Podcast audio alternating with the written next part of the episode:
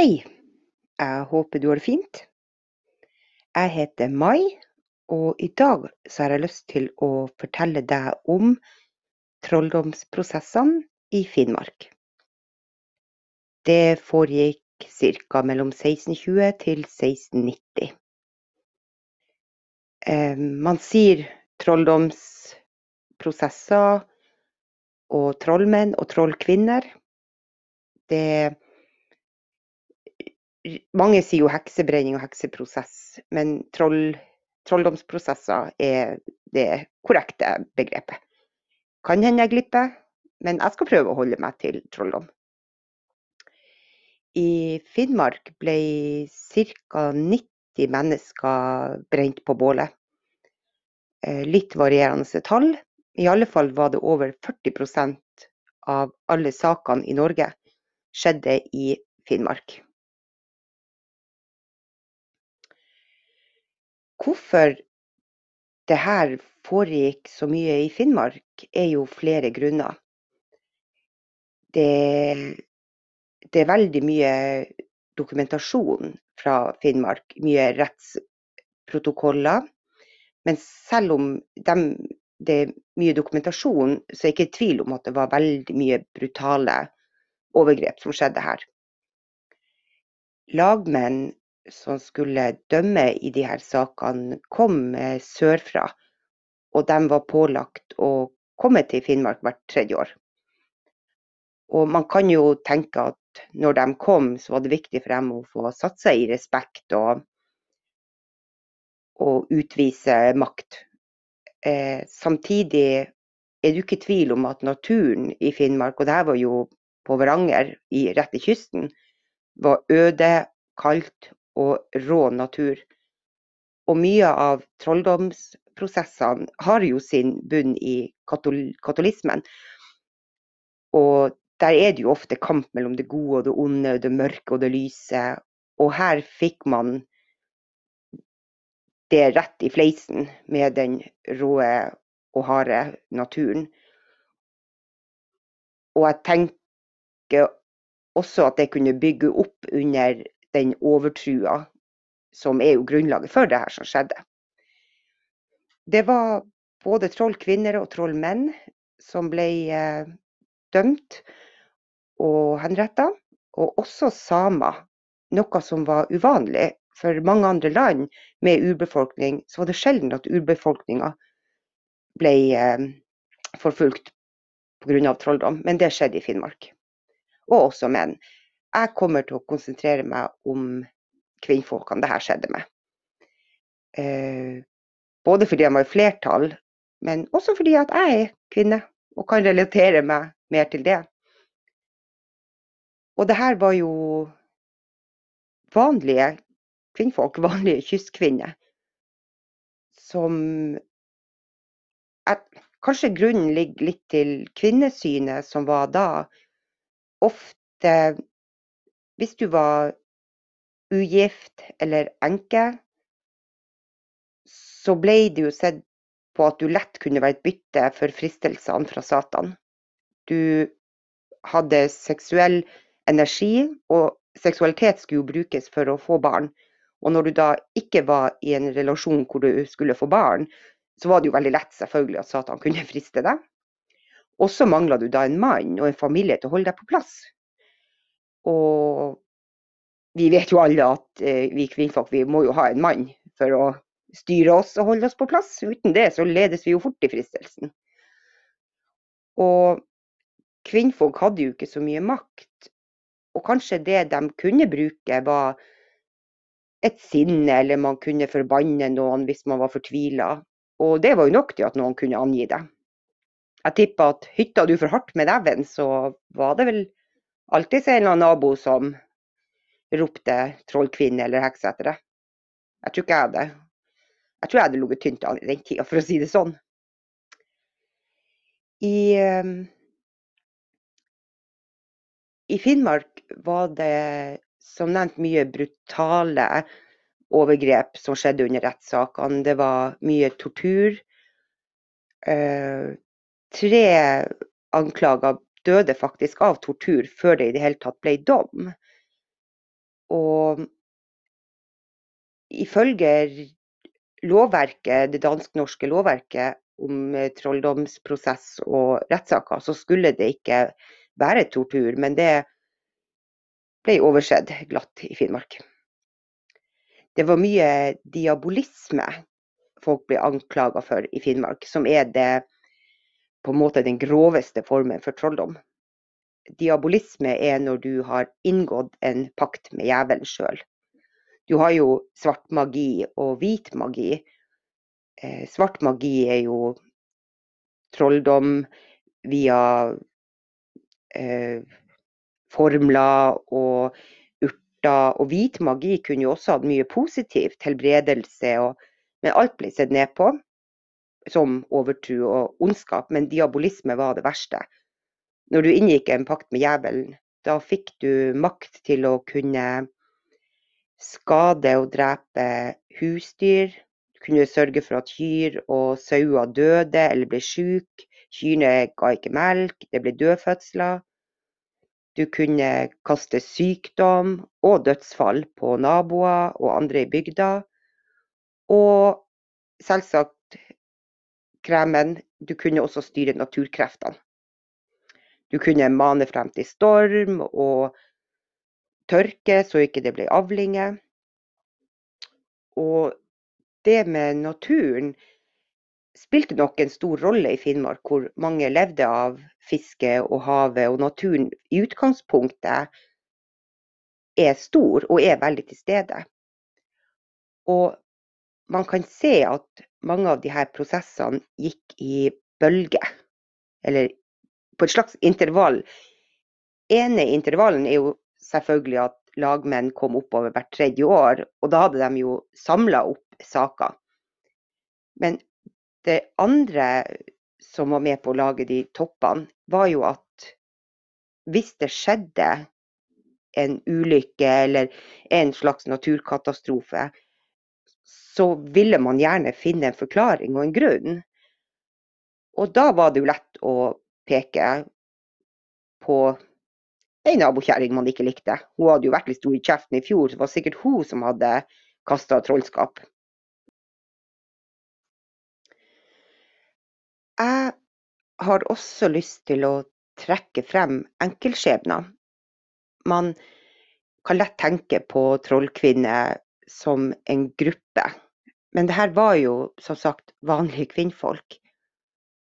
Ehm, og for meg er det viktig å få frem noen, noen enkeltmennesker, for det er litt lettere å forholde seg til det her. Syns jeg i hvert fall. Eh, og jeg vil starte med bare å nevne noen. Vi har, eh, vi har ei som heter Kirsten Sørensdatter fra Kiberg. Og hun ble brent levende i 1621. Vi har ei Kari Olufsdatter fra Vardø, også brent i 1621. Rasti Rauelsen fra Hammerfest, også brent levende i 1621. Anne Edisdatter fra Vardø, brent i 1624. Og Karen Monsdatter Vadsø, brent levende i 1626. Og mange flere. Blant annet ei som heter Ingeborg, som kom fra Makkaur, som er en liten plass utenfor Båtsfjord i Øst-Finnmark. Den 26. Eh, januar i 1662, tror jeg det var, eller 1663. Det må ha vært i 63, ja. For det årsskiftet der, 62-63, så var det jo mange rettssaker. Og og som jeg nevnte tidligere, det hang nok sammen med det store forliset utenfor eh, Kiberg på julaften i 1617. Og hun Ingeborg ble anklaga for å ha kasta trolldom over en av nordlandsbåtene. Og Ingeborg nekta. Hun hadde ingen kjennskap til det her. Og de utsatte hun for vannprøven. Det vil si at man betta hendene og føttene sammen og kasta henne på havet. Hvis hun flaut, så var hun skyldig. Nå kan man jo si at hvis hun drukna, så hvis hun sank, så ville hun drukne, men de var faktisk kjappe med å få på land dem som de så ville synke, da. For de var jo uskyldige.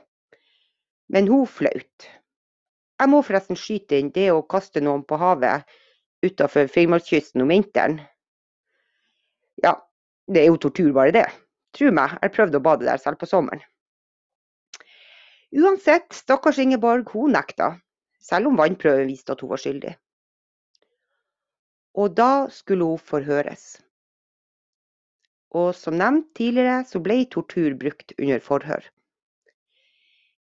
Ingeborg ble torturert med glødende tenger, som, som de varma opp ei tang og brukte den å klype rundt på kroppen hennes. Hun ble også lagt på pinebenk, dvs. Si at hun blir spent ut på en benk, og armer og bein blir strekt ut i, ut i retningen, da. Eh, Ingeborg nekta hele tida, selv om hun ble utsatt for det her. Og hun lå også på pinebenken, og de tømte svovel over brystene på henne. Og svovel er jo noe som ofte blir nevnt i forbindelse med helvete og svovelpredikanter og sånt. Og svovel er faktisk en kjemisk væske som brenner på huden. Og man kan jo ja, Man klarer ikke å forestille seg Ingeborg visste jo at hun hadde ikke noe med det her å gjøre. Og samtidig må det jo være litt fristende på en måte å tilstå for noe du ikke har gjort, bare for å få slutt på denne torturen. Og det er jo også grunnen til at tortur ikke skal brukes under forhør. Ingeborg hadde sagt under det her at hun kunne ikke lyge på seg sjøl eller andre. De kan pine kroppen, men sjelen min kan dem ikke pine. Men selvfølgelig Hun prøvde jo å finne på en forklaring, noe logisk i gåsøya, for det her. Hun kom på at hun hadde fått fisk hos ei nabokone som hun hadde spist, og hadde blitt dårlig etterpå.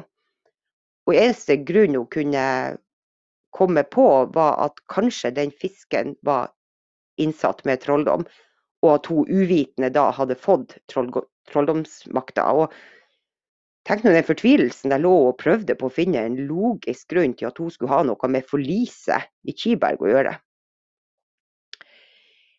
Ingeborg var en av de som ikke overlevde torturen. Hun, hun døde før rettssak. Og hun hadde blitt holdt i Trollkvinnehullet, som var da en type fengselscelle som var bygd ved datidens Vardøhus festning. Eh, mørkt og kaldt. Og der var det hun var oppholdt seg eh, ved siden av torturer. Og når Ingeborg døde, så dro de liket hennes ut av trollkvinneholdet. Og hun ble brent i lag med de andre som var Eller dem som var dømt. Hun var jo ikke dømt, men de brente henne. Eh, Trollkvinnehullet lå jo som sagt ved Vardøhus festning, som det var da. Og grunnen til at mange av de her eh, rettssakene skjedde i Vardø, var at det var sentrum for myndighetene og administrasjon. Men det betyr jo slett ikke at alle var fra Vardø. Det ble frakta eh, folk fra hele fylket. Og, og, det ser man at fra Hammerfest helt på andre sida, fra vestsida og til østsida. Så man kan jo tenke seg at det var utrolig mange småbygder som ble eh, påvirka av det her. Og det må ha vært en grusom redsel blant folk når alt som skulle til var at noen anga deg. Så selv om ikke du blir dømt, så ville du nok sannsynligvis bli utsatt for tortur. Eh, før du kommer til Vardø, så er det en sånn fjellovergang som heter Domen. Og det ble kalt for Heksefjellet. Eh, der holdt Satan fester, og der var også inngangen til helvete. Eh, Visstnok bodde Satan også der. Hvorfor, ja, hvorfor han skulle velge å bosette seg på en fjellovergang for Vardø, av alle plassene han kunne ha slått seg ned, det er jo et lite mysterium, bare det. Men i alle fall i den samme rettssaksbølgen hvor Ingeborg eh, døde, så det var rundt 31 kvinnfolk som ble stilt for retten i den saken. Og der var det faktisk unger under tolv år. Jeg har lest at det har vært unger ned rundt åtte år. Det var 18 av de ble brent på bålet, og tre døde av torturen. Man, man kunne også bli dømt til landsforviselse, eller at man måtte betale bøter. Eh, For mange folk her var, jo, var jo ikke så rike, så ofte var det jo buskapen og sånn som de måtte betale inn.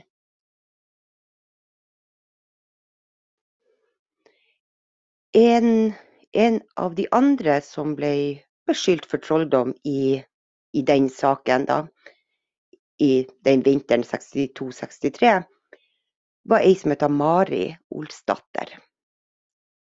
Hun var tolv år. Hun var fra Vadsø. Og under tortur eh, Jeg får torturere en tolvåring.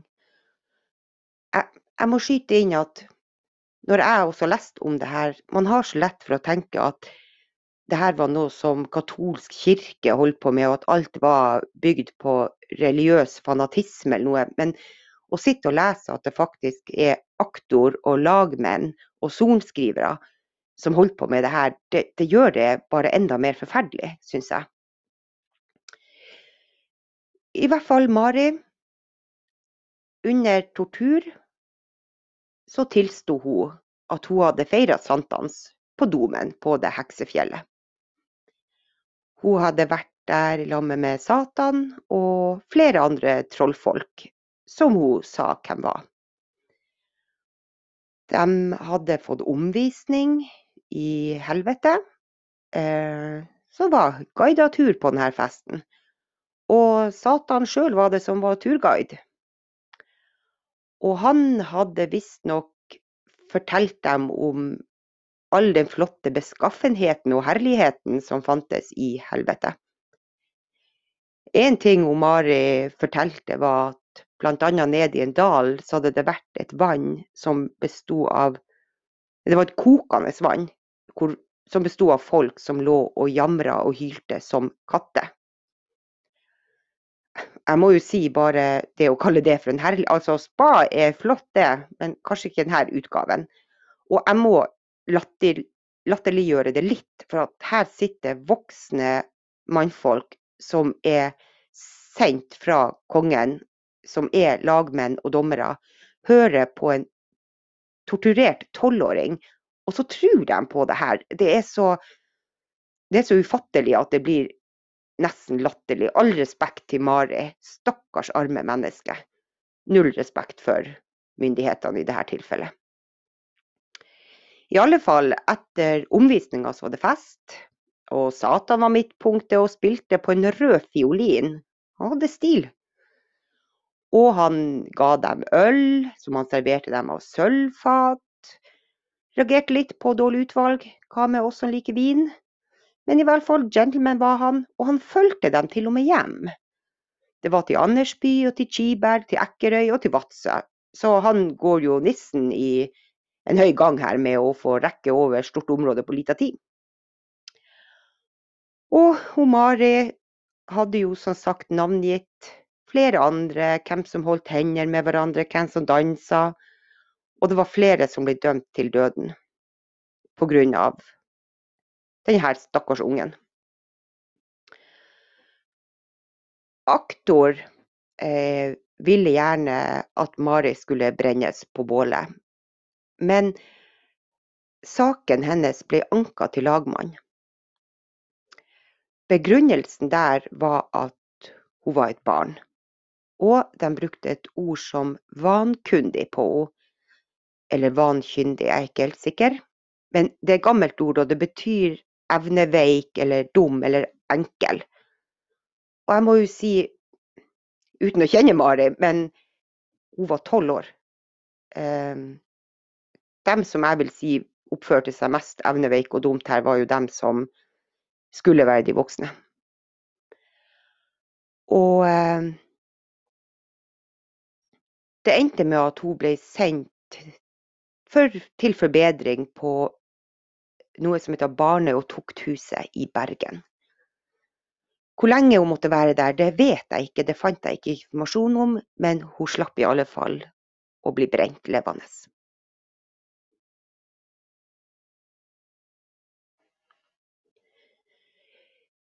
Jeg nevnte tidligere at de her lagmennene ble sendt oppover hvert tredje år. Og i 1647, 4. juni, var en lagmann som heter Mandrup Pedersen Skjønnebøl, hadde da sin første rettssak i Finnmark. Jeg kommer til å kalle han Mandrup. Eh, og jeg har litt sansen for han, det må jeg si. Første saken han fikk, var ei som heter Maren Jakobsdatter. Hun var blitt dømt til å bli brent levende. Hun hadde sittet fem måneder i det her trollkvinnehullet ved Vardøhus festning. Fra februar til juni. Og fem måneder satt hun i det her trange steincella mens hun venta på anken. Og mannen til Maren var den som hadde stevna sorenskriveren og meddommere for uriktig dom. På nytt sjokkert over at ordene sorenskriver og meddommere kommer frem. Men i alle fall, nå kom han Mandrup oppover. Og han var nok litt mer oppegående enn mange andre, og han godtok ikke vannprøven som bevis. Og han aksepterte heller ikke tilståelser som hadde kommet under tortur. Han var en av de få som fulgte de faktiske reglene som sto i den dansk-norske loven. Og det var nok også litt pga. at resten av Europa begynte å bli litt mer opplyst. Eh, trodde ikke så mye på overtro. Og han var nok moderne sånn sett. Han møtte selvfølgelig mye motstand.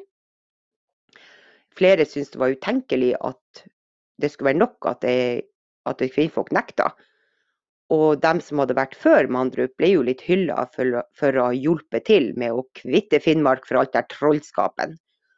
Og under Mandrup var det jo ikke så mange som ville møte det brennende bad, eller hva de kalte det.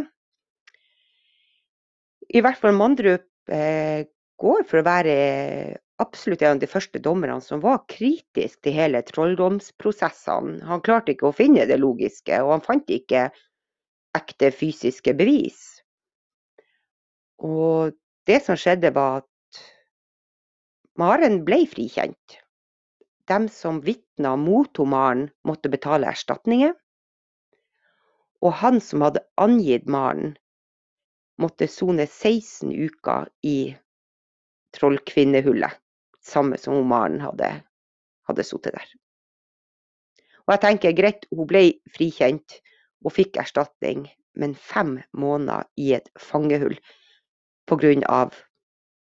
overtru, naboslarv. Helt forferdelig. Få år etter Mandrup eh, hadde kommet nordover, så ble det etter hvert stopp på de her trolldomsrettssakene. Som jeg nevnte, resten av Europa også ble mer eh, opplyst. Eh, så heldigvis ble det stopp på det i Finnmark òg. Nå i dag så står det på Steilneset, ikke langt unna Vardø sentrum, et minnested over denne perioden i Finnmark. Det er en minnehall som er tegna av en sveitsisk arkitekt som heter Peter Sumtor. Og det er også et flammehus med en skulptur lagd av fransk-amerikanske Louise Bourgeois. Eh, minnesmerket holder også fram enkeltskjebnene i det her. Du kan lese enkelthistorier. Og som sagt syns jeg det er utrolig viktig å trekke frem at det her var faktisk enkeltmennesker. Og hele bygdesamfunn. Det her var en fæl prosess som foregikk, og hvor bygdesladder og overtro skapte frykt og redsel. Så det var det jeg ville fortelle deg. Og du må ta vare på deg sjøl, men eh, husk at det finnes eh, fæle folk.